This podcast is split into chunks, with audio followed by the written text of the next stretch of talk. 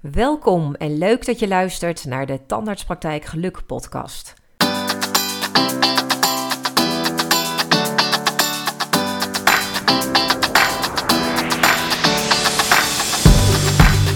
Mijn naam is Marcia van Wermerskerken en met deze podcast ga ik jou als tandartspraktijkprofessional inspireren om zoveel mogelijk werkgeluk te realiseren. Praktijkgeluk noem ik dat.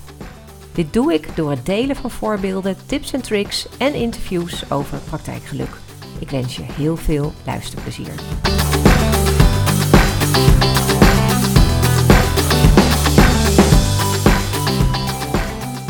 Alles waar je aandacht aan geeft, groeit. In positieve en in negatieve zin. Dus de kunst is om jezelf voortdurend uit te dagen om de juiste keuzes te maken in waar je jouw focus op legt. Dus eigenlijk kan je dan ook zeggen waar je op focust groeit. Dus zorg dat je je focust op zaken die je graag wilt of die je graag wilt bereiken. Waar verlang jij naar en waar kies jij voor? Ik geloof echt dat het leven zo werkt. Dat als jij je focust op ja, waar jij voor kiest, dan haal je er altijd iets moois uit. Maar hoe zorg je nou dat je deze focus aanbrengt en ook vasthoudt? Nou, hier gaat deze podcast over. Leuk dat je weer luistert. En mocht je mijn vorige podcast, aflevering 2, nog niet hebben geluisterd, dan denk ik dat het goed is om dat eerst even te doen. Want om je überhaupt te kunnen focussen, moet je namelijk eerst de voorkant van de puzzel, zoals ik dat noem, helder hebben. Wat wil jij? Wat wil jij het allerliefste bereiken? Waar verlang je naar als praktijkhouder of als praktijkmanager? Hiervoor moet je dus eerst heel helder hebben hoe dit eruit ziet. En niet alleen in je hoofd, maar ook op papier of hè, digitaal vastgelegd. En wel op zo'n manier dat als een ander jouw plaatje dan leest, dat hij of zij dat echt als een, nou, laten we zeggen, een beleving ervaart. Dat je het voor je ziet. Dat je eigenlijk gewoon, dat het is alsof je eigenlijk in jouw toekomstbeeld wandelt. En het is dan ook aan die persoon, uh, en dat is dan eh, bijvoorbeeld een medewerker van jou, om te bepalen of hij of zij hier ook blij van wordt, of die daarop aangaat uh, en ook in jouw toekomstplaatje mee wil bewegen. In mijn vorige podcast heb ik stilgestaan bij dit ideale plaatje. Hoe zorg je nou dat je je toekomstbeeld heel helder krijgt? En mocht je nou luisteren en geen praktijkeigenaar of praktijkmanager zijn, ik weet namelijk dat assistenten ook luisteren. Dus als je geen deel uitmaakt van het management van een praktijk, dan is deze podcast ook heel interessant voor je. Want als teamlid word je natuurlijk uitgedaagd om dit ideale plaatje, het toekomstbeeld van de praktijk, om dat te gaan invullen. En reken maar dat jij als teamlid echt een belangrijk onderdeel bent van het realiseren hiervan. Dus ook betrokken kan worden in het realiseren. En let wel, ik zeg niet dat je zelf geen ideaal plaatje mag hebben. Hè? Dus ik vind, um, ik vind het namelijk heel belangrijk dat jij wel aangaat op het ideale plaatje van jouw praktijkhouder of praktijkmanager. Want dit is waar jij onderdeel van bent en wordt en waarschijnlijk wilt blijven. Dus waar jullie gezamenlijk als team ook de focus op gaan leggen. En als jij nou niet heel enthousiast wordt van dat ideale plaatje, ja, dan is het echt wel heel belangrijk om daar ook eens bij stil te staan en misschien wel wat mee te gaan doen. En natuurlijk kan je als praktijk ook met z'n allen aan zo'n ideaal plaatje werken. Uh, het is niet zo, ik zie dat daar op verschillende manieren mee om wordt gegaan. Soms wordt het door de praktijkhouder en de praktijkmanager bepaald. Soms vinden ze het juist fijn om dat met het hele team te gaan doen. Um, hè, beter zelfs in elk geval om je team daarbij te betrekken. Uh, en bovendien kan het jou als praktijkhouder ook helpen om je te laten inspireren door je team voor jouw ideale plaatje. Dus bepaal zelf als praktijkhouder de volgorde. En wil je hier eerst zelf bij stilstaan? Of uh, ga je dit met je team uh, in elk geval daarmee starten en de grote lijnen uitzetten? Belangrijk daarin vind ik zelf dat je, je bent niet voor niets praktijkeigenaar geworden. Dus je mag hierin ook echt de lead hebben. Ik vind zelfs dat jij, nou, vooral als praktijkhouder, de visionair moet zijn. En welke volgorde je ook kiest, het is gewoon super belangrijk om je team in dit proces mee te nemen. Om hè, je team hier echt onderdeel van te laten zijn. Heel belangrijk om jou of jullie ideale plaatje ook daadwerkelijk te gaan realiseren. En het kan ook een heel mooi uh, teambuildingsmoment zijn. Hè. Neem eens de tijd om met je team samen te brainstormen over de ideale praktijk. Het doet mij denken aan ehm, een, uh, een situatie die ik jaren geleden, of een, een teamsessie die ik jaren geleden met een praktijk heb georganiseerd. Waarbij we echt het hele team met een grote stapel tijdschriften uh, uh, hebben laten knippen en plakken. Dus we hebben echt een dagdeel gepland. S ochtends uh, met z'n allen in de personeelsruimte. Grote stapels tijdschriften. Iedereen kreeg een A4 fotolijstje en mocht beeldend gaan maken hoe de praktijk er over vijf jaar, hebben we volgens mij toen gezegd, uit zou zien. Nou, iedereen knippen en plakken en scheuren. Um, superleuk proces waarin je dan ook echt met z'n allen bezig bent. Op een ontspannen manier. Hè, met elkaar ook in gesprek bent en eigenlijk meeneemt in wat voor jou dan een ideaal plaatje is. En daar eigenlijk al meteen dan ook een beetje in gesprek kunt gaan over waar zitten dan die verschillen. Of elkaar weer te inspireren. Nou, echt een superleuk proces om bijvoorbeeld te koppelen aan um, nou, vervolgens nog een, een andere teamactiviteit. Wij hebben toen uh, ervoor gekozen dat iedereen beeldend ging maken hoe die praktijk eruit zag. En daarnaast ook de kernwaarden die voor hem of haar belangrijk waren daarin uh, hebben verwerkt. En um, uiteindelijk hebben we al die lijstjes bij elkaar aan de muur gehangen ja, werd het eigenlijk een soort wall of fame. Nou, echt heel mooi om, om dat zo te doen. En wat ook misschien um, een uitgangspunt kan zijn, is uh, om gewoon een aantal vragen te formuleren waar je met elkaar antwoorden voor gaat vinden. Of je hebt heel veel van die kaartspellen die je daarbij kan gebruiken om eens met elkaar te sparren. Nou, je hoort het al, genoeg mogelijkheden om dat in een, een teamactiviteit te gieten. Een belangrijke eerste stap dus om te zorgen dat je focus houdt, is het meenemen van je team in jouw ideale plaatje. En zorg dan ook dat dat ideale beeld vastgelegd is en ook toegankelijk is voor iedereen. Elk nieuw teamlid moet ook eigenlijk gewoon eerst weer dat ideale plaatje te zien krijgen voordat hij bij jou in de praktijk gaat werken. Nou, ik merk al, ik dwaal weer af. Even terug naar waar ik eigenlijk deze uh, in, met je over wil hebben in deze podcast. Namelijk, hoe zorg je nou dat je focus houdt? Focus op dit ideale plaatje. Ik ga eerst een heel kort antwoord op geven en neem je daarna mee in de uitleg. Komt-ie. Focus is doen. Ik werk graag met de PDCA-cyclus. Plan, Do, Check, Act. Dus je begint met het maken van een plan. De P, je gaat het uitvoeren. Hè, do, je kijkt of bewaakt of het ook werkt. Check. En je past vervolgens je werkwijze hier weer op aan. Hè, ga je weer opnieuw kijken hoe je je plan kan aanscherpen. En het fijne hieraan vind ik eh, dat het heel overzichtelijk is. En het ook heel overzichtelijk houdt. Je breekt eigenlijk steeds uh, je, je, je plan, uh, je, je doelen op in kleine stukjes en dat helpt je, uh, helpt mij in elk geval, maar ik zie dat ook in de praktijk, dat het echt helpt om gemotiveerd te blijven. Dus eigenlijk um, is focus doen en vooral ook leren om weer door te gaan. Met de praktijken die ik één op één begeleid, maak ik bij aanvang van uh, de start zeg maar, van mijn uh, begeleidingstraject altijd een strategisch plan op twee A4'tjes. En een van de onderdelen um, is dan dat we hierin de highlights opnemen van dat ideale plaatje. Dat zijn dan zeg maar de mijlpalen die we eruit halen, uh, die je bereikt wil hebben over drie jaar.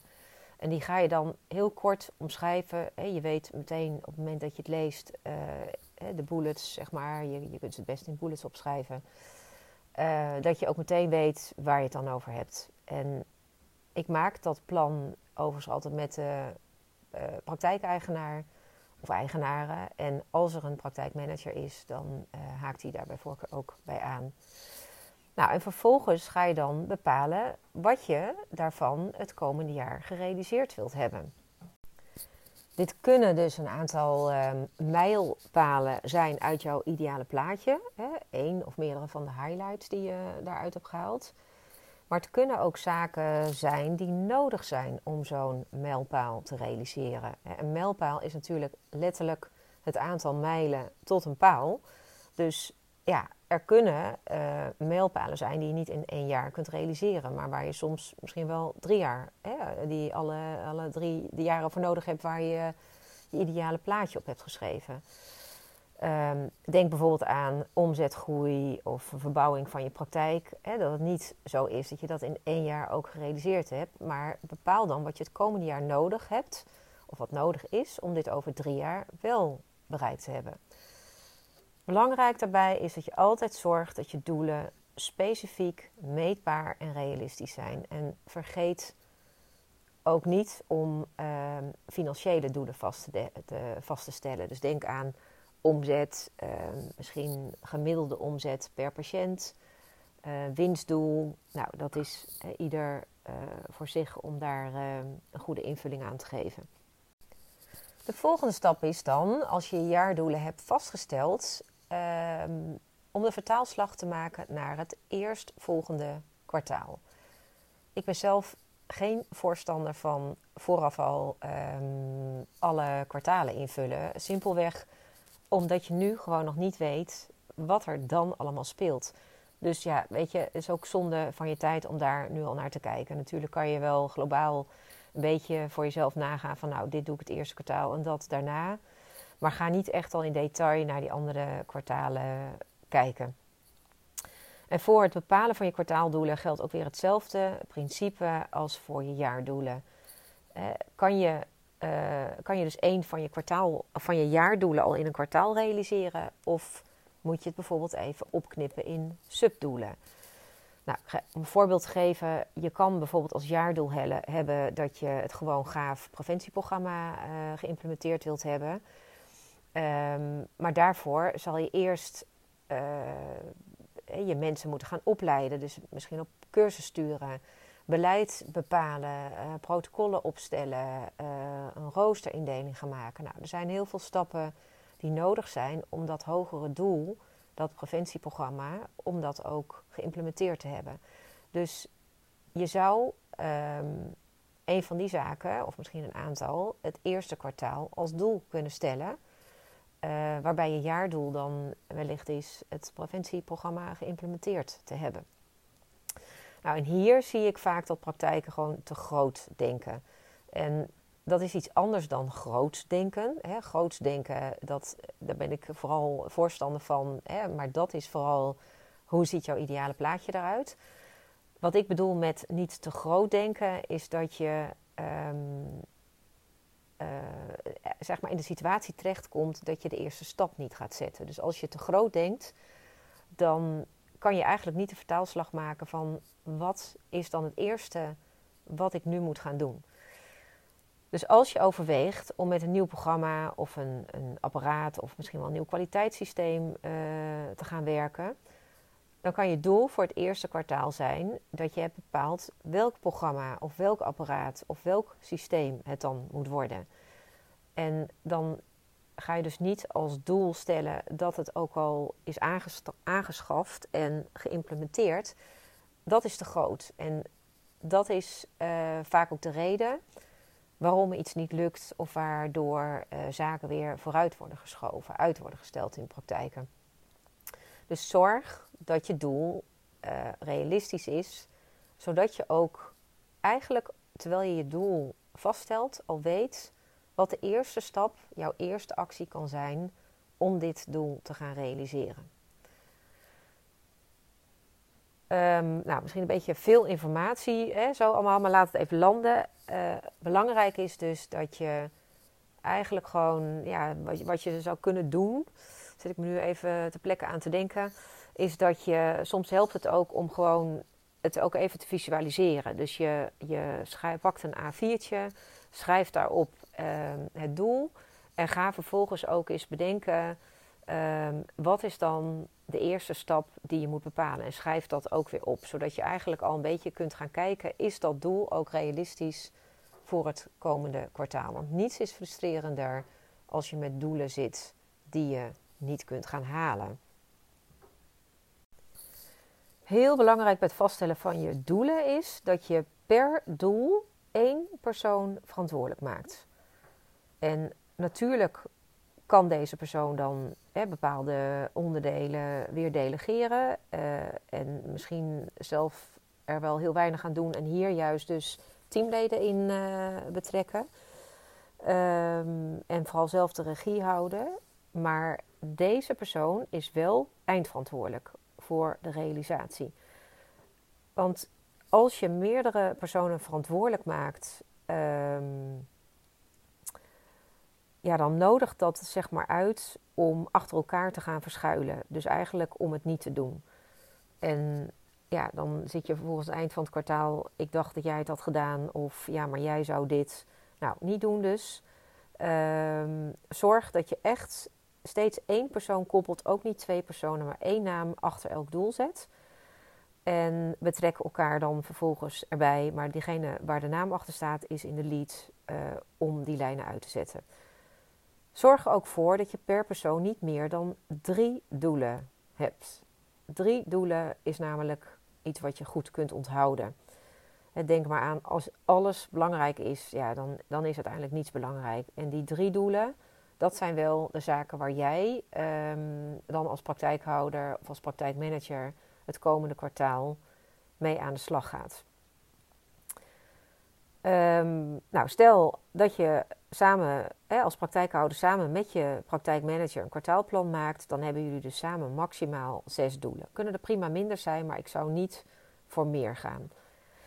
Je kunt altijd nog uh, met elkaar, dus voor de praktijk, echt zeggen van nou, dit zijn, uh, we hebben vier doelen waar we gaan, allebei twee. En uh, zowel de praktijkhouder als de praktijkmanager hebben daarnaast nog een aantal andere persoonlijke doelen, hè, werkgerelateerd dan die bijvoorbeeld zijn afgevallen voor, um, voor de doelen van de praktijk. Zo kan je daar natuurlijk altijd invulling aan geven, maar zeker als je hiermee start met deze werkwijze, keep it simple. Dus um, ik zie gewoon praktijken waar ik mee werk, dat die doelen die je dan als MT bepaalt al meer dan genoeg zijn. En houd het dan gewoon max bij drie per um, persoon. Um, ja, en wat ook nog wel goed is om even, uh, om, om wat belangrijk is om te doen, dat een kwartaaldoel is, als het goed is, niet met één telefoontje gerealiseerd.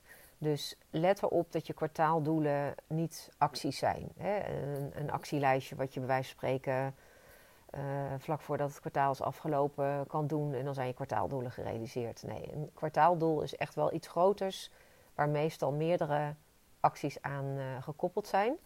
En ook zijn ze wederom specifiek, meetbaar en realistisch. En eigenlijk moet je het zo zien dat als jij, uh, zodra het kwartaal verstreken is, dat je dan bij wijze van spreken iemand van de straat plukt, hè, een leek, kan laten beoordelen of jullie doelen zijn gerealiseerd. Het mag dus geen discussie zijn of iets wel of niet gelukt is. Hè. Dus zorg dat ze niet subjectief zijn, maar dat je ze echt specifiek en meetbaar maakt. Nou, om je wat inspiratie te geven. Als je bijvoorbeeld als doel stelt, we willen het komend kwartaal ons verzuim met een paar eh, procent omlaag brengen of verlagen, dan is dat niet voldoende. Dan moet je echt zeggen, het verzuim moet met 5% zijn gedaald. Nou, is dat niet gelukt, dan heb je dus je doel niet gerealiseerd. Um, ander voorbeeld, als je een keuze, uh, als het doel is dat je een bepaald systeem of een bepaald apparaat of een programma wilt gaan selecteren, wanneer heb je dat dan uh, bereikt? Nou, dat zou bijvoorbeeld kunnen zijn op het moment dat je een getekende offerte of misschien hè, in huis hebt of misschien de aankoop al gedaan hebt. Um, als je een doel hebt waarbij je iets wilt implementeren, um, ja, merk dat dat vaak ook een lastig is voor praktijken. Hoe maak je dat dan meetbaar? Wanneer heb je dat dan gehaald? Nou, dan zou je bijvoorbeeld kunnen doen doordat je stelt dat je zegt: iedereen moet ook werken uh, met datgene wat je aan het implementeren bent. Of uh, als dat misschien te groot is um, en niet realistisch, dat je zegt, nou ik wil dat 75% er in elk geval mee werkt, of 50%. Maar iets waardoor je echt kan meten of je dan jouw kwartaaldoel hebt gerealiseerd. Ik krijg dus de vraag: waarom werken we met kwartaaldoelen? We kunnen toch ook gewoon eerst eens beginnen om onze jaardoelen te gaan realiseren. We hebben überhaupt nog nooit jaardoelen gesteld. Dus als dit nou gewoon eens de start kan zijn. Nou, ik denk dat je al wel een, beetje aanvoelt, en na mijn eerdere uitleg, dat het juist belangrijk is uh, om focus te houden en dus steeds bij te kunnen sturen. En dat dat de reden is waarom je vooral moet gaan werken met kwartaaldoelen. Dus dat je het opknipt. De enige manier om te zorgen dat je zaken niet uh, gaat uitstellen of blijft uitstellen, vooruitschuift, is om te zorgen dat je ook echt de eerste stap zet. Dat je wordt uitgenodigd, dat je het aantrekkelijk maakt om naar dat doel toe te bewegen. Ook is er gegeven dat uh, we blijkbaar als mens ongeveer 90 dagen, dus een kwartaal, drie maanden, enthousiast kunnen blijven om, uh, en, en om, om de aandacht niet te laten verslappen. Uh, dat we ongeveer 90 dagen behapbaar zijn om steeds uh, ervoor te kunnen gaan. En dat we daarna echt weer een nieuw plan nodig hebben om weer opnieuw uitgedaagd te worden. Nou, even op een rijtje. Uh, wat heb ik nu verteld? Je gaat dus de highlights van jouw ideale plaatje bepalen. En die ga je daar uithalen. Vervolgens ga je bepalen wat je jaardoelen worden. Wat heb je van die highlights het komende jaar gerealiseerd? Of welke zaken ga je ten doel stellen om naar dat ideale plaatje toe te lopen? En daarna, als je jaardoelen bepaald zijn, ga je bepalen op dezelfde manier wat dan je kwartaaldoelen worden voor het eerste kwartaal. Als je het jaarplan en de kwartaaldoelen dan hebt vastgesteld, dan is het belangrijk dat je, het ook, dat je ze gaat delen met je team. Um, nou, leuk moment om dat te doen. Um, en maken ook, ook daar weer een activiteit van. Bijvoorbeeld tijdens een, uh, een borrel. Ik uh, stimuleer de praktijken die ik één op één begeleid altijd om bij elk kwartaal, als we weer opnieuw stilstaan bij het bepalen van de kwartaaldoelen, dat we ook meteen weer uh, de datum bepalen voor een kwartaal daarna, om daar weer met elkaar hè, als MT bij stil te staan. Maar ook al de meeting vast te leggen in de agenda om het met het team te delen. Zodat ook het team eraan gaat wennen dat dit de werkwijze is. natuurlijk is het goed om even te kijken of alle doelen ook communiceerbaar zijn. Uh, mijn ervaring is dat je bijvoorbeeld even, zeker als je hier nog niet eerder op deze manier mee hebt gewerkt, echt even moet kijken of je een omzetdoel, een winstdoel, hè, zeker het financiële, financiële aspecten, of je die wel moet gaan delen met je gehele team. Um, ja, ik zie vaak dat assistenten daar minder mee hebben en dat het soms ook wel een beetje kan afstoten. Maar voor behandelaren kan het wel weer een, uh, een trigger uh, of een stimulans uh, zijn natuurlijk. Um, nou, denk daar goed over na, wat je, hoe je dat ziet. En mogelijk zijn er ook andere doelen waarvan je zoiets hebt van... nou, die zijn voor ons als managementteam wel heel belangrijk... maar die lenen zich minder om te communiceren. Maar probeer verder zo transparant mogelijk te zijn, omdat je waarschijnlijk ook je team nodig hebt om bepaalde dingen te gaan realiseren. Um, nou, ga vooral ook hier zelf eerst als uh, management, hè, management is dan even elk geval de praktijkhouder, praktijkmanager, uh, mee aan de slag om ook te wennen aan deze aanpak. Maar uiteindelijk, um, ja, weet je, zou mijn, uh, ben ik voorstander van om, dit, om deze werkwijze ook vooral verder door te gaan voeren in je team. Maar ik weet uit ervaring dat het meestal toch wel echt een, minimaal half jaar soms wel een jaar nodig heeft om echt zelf als managementteam op deze manier te gaan werken. Um, en uh, je je team sowieso erin betrekt om deze doelstellingen uh, ja, uit, te gaan, uh, uit te gaan rollen. Maar goed, om je wel in je achterhoofd te houden dat het uiteindelijk natuurlijk gewoon heel goed is als je ook je team in deze werkwijze gaat betrekken. Dus juist omdat jullie dan als MT bepalen wat de doelstellingen van de praktijk zijn, dat de volgende stap is dat ook teams aan de slag gaan om daar weer zelf ook in, in die lijn hun eigen doelstellingen aan uh, te koppelen en ook met kwartaaldoelen te gaan werken. Maar ik realiseer me dat dit heel ambitieus is. Dat er weinig praktijken zijn die dit echt zo voor elkaar krijgen. Maar het kan. En dan, als het goed is, dan heb je nu als praktijkhouder of als praktijkmanager uh, max drie doelstellingen voor het komende kwartaal. En heb je, sta je aan het begin van 13 weken uh, waarin je de tijd hebt om ze te gaan realiseren. Vanaf nu ga je elke week voor jezelf bepalen welke actie, welke eerste stap jij kunt gaan zetten om dit doel te realiseren. um, ja, en dat houdt concreet in dat je dus eigenlijk wekelijks opnieuw bepaalt uh, wat jouw actie of eigenlijk een beetje jouw doel wordt voor die week. Uh, en je hoort het goed, hier begin je echt wat mij betreft al in week 1 mee. En dit is mogelijk anders, hè, of waarschijnlijk anders dan je, dan je nu doet. En dat snap ik. Um, want over drie maanden iets gerealiseerd hebben, dat voelt natuurlijk alsof je nog alle tijd hebt. Maar precies hier ligt dus ook de doorschuif, doorsluisroute, uh, zoals ik hem noem, weer op de loer.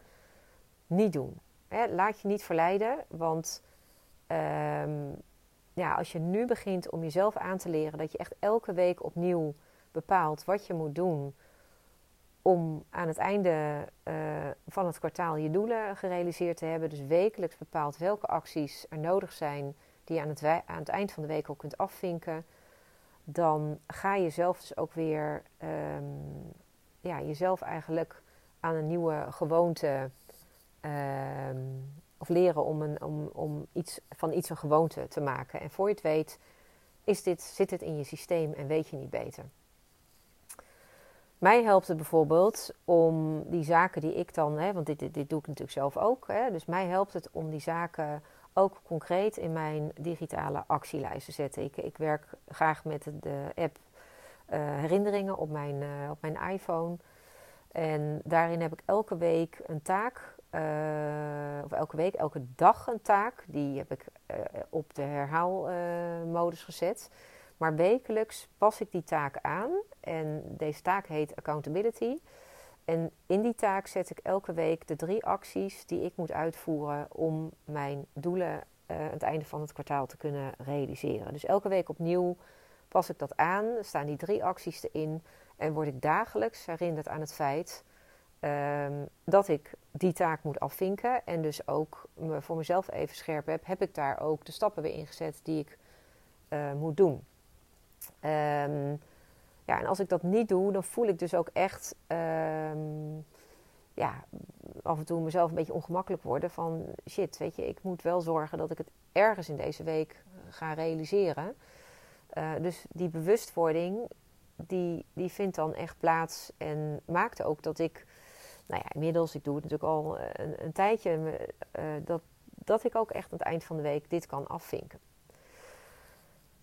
Denk niet, uh, ik bepaal komende week wel wat ik ga doen. Hè, want daar zit echt het gevaar in dat je het weer gaat, uh, gaat doorschuiven aan het eind van de week. Dus niet hebt gerealiseerd. Nee, juist door wekelijks heel concreet te maken wat je moet gaan doen.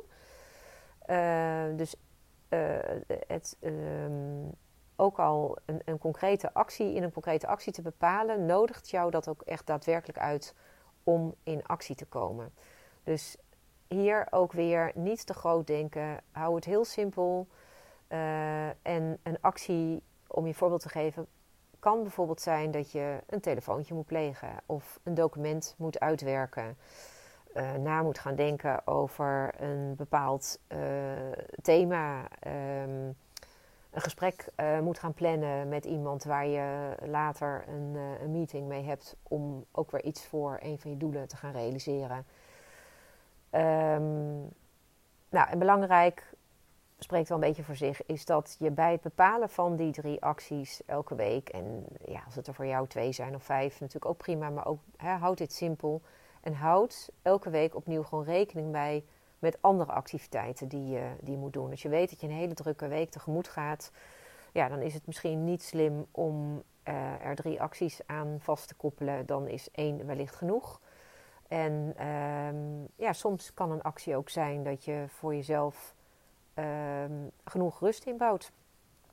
Ook een actie om te zorgen dat jij je doelen haalt. Hè? Dus dit is wel misschien goed om je daar dat ook te realiseren. Dat we vaak um, veel te ingewikkeld denken. Weet je, je bent continu bezig om voor jezelf te bepalen wat heb ik nodig. En dat kan soms ook gewoon me-time zijn of uh, iets anders.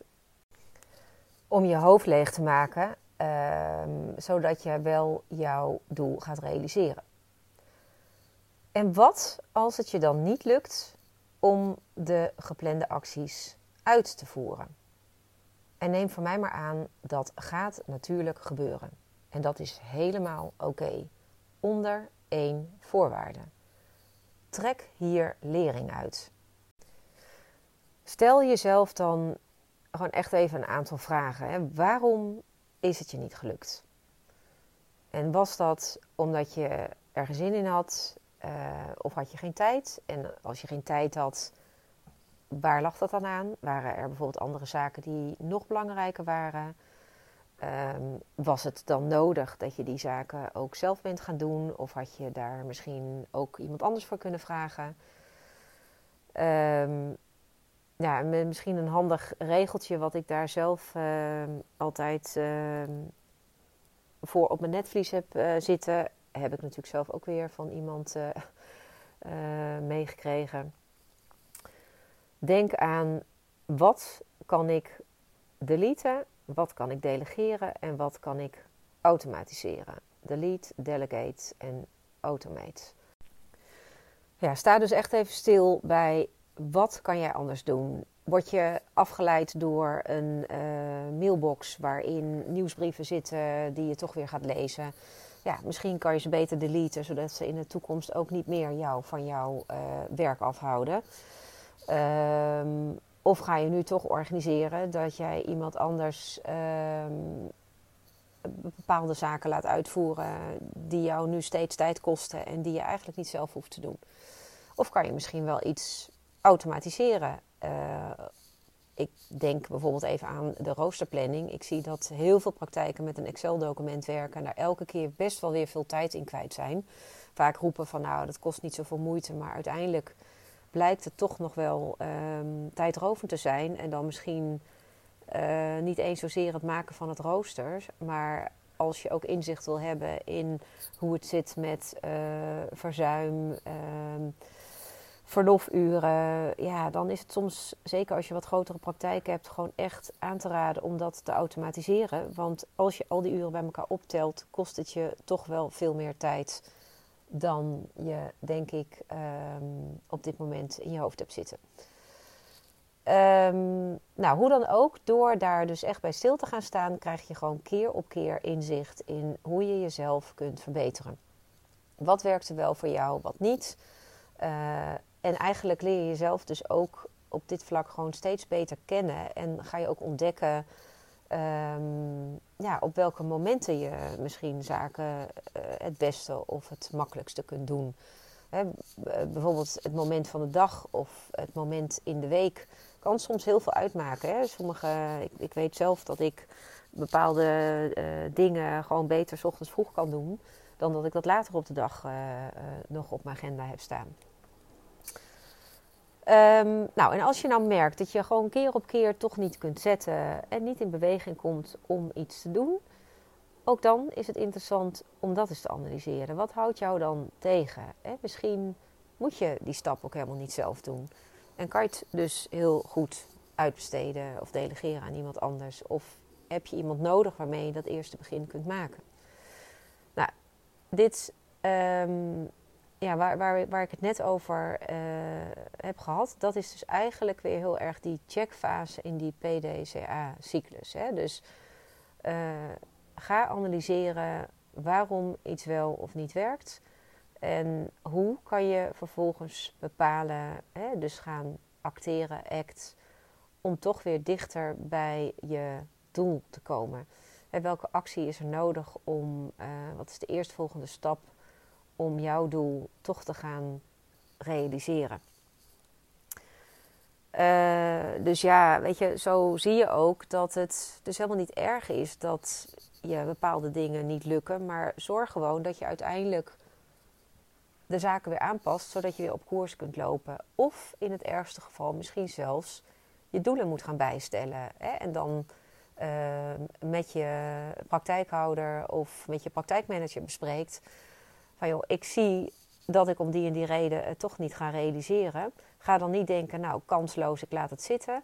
Ga op dat moment je doel bijstellen. Wat is er wel realistisch en ga daarvoor. Want beter dat je iets realiseert dan dat je uiteindelijk je hele doel doorschuift naar een volgend kwartaal. Nou, ik zie dat ik alweer meer dan een half uur aan het woord ben, uh, volgens mij. Uh, genoeg voor deze uh, podcast. Je merkt dat ik er nog heel veel meer over zou willen vertellen, maar ik geloof dat ik dat maar even ga bewaren voor volgende afleveringen. Dus ik wens je een hele mooie dag. Superleuk dat je luisterde naar de Tandartspraktijk Geluk podcast. Vergeet je niet om je te abonneren en een review achter te laten. Wil je meer inspiratie over praktijkgeluk? Connect dan met mij via LinkedIn of bezoek mijn website www.dentines.nl. En let op, Dentines is met dubbel S. Is er een onderwerp waarmee ik jou kan inspireren? Laat het mij weten. En ook als jouw tandartspraktijk misschien wel een mooie inspiratiebron is voor deze podcast. Wie weet is het praktijkgeluk van jouw praktijk straks te beluisteren als interview in mijn volgende podcast. Mijn naam is Marcia van Wermerskerken. Dankjewel voor het luisteren en tot de volgende keer.